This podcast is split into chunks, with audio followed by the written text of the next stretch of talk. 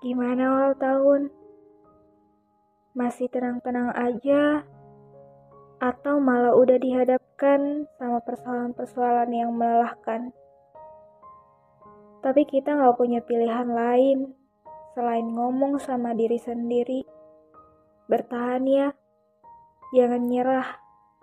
Pasti ada jalannya.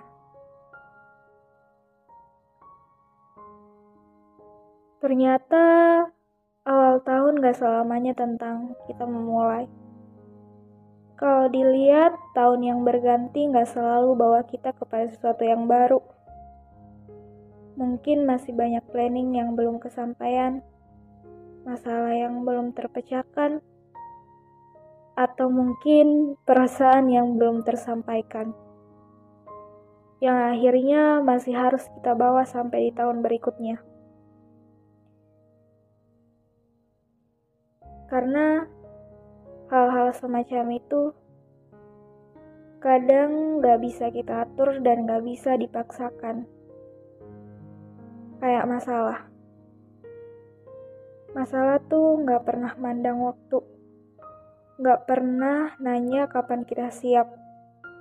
Gak peduli sama masalah lain yang belum kelar. Kadang kita pengen lari atau pengen masalah itu selesai seiring dengan berjalannya waktu, seiring dengan tahun yang berganti. Seandainya masalah itu bisa ditutup bersama dengan tahun, mungkin kita bisa lebih semangat lagi kali ya sama tahun baru.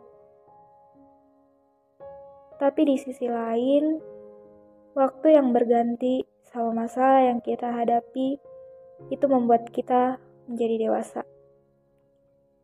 Meskipun segala hal yang terjadi kadang gak sesuai sama rencana.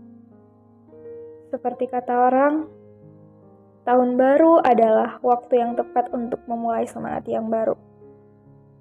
Karena selama semangat itu masih ada, kita gak akan punya alasan untuk berhenti. Berhenti bermimpi, berhenti berharap, dan berhenti belajar.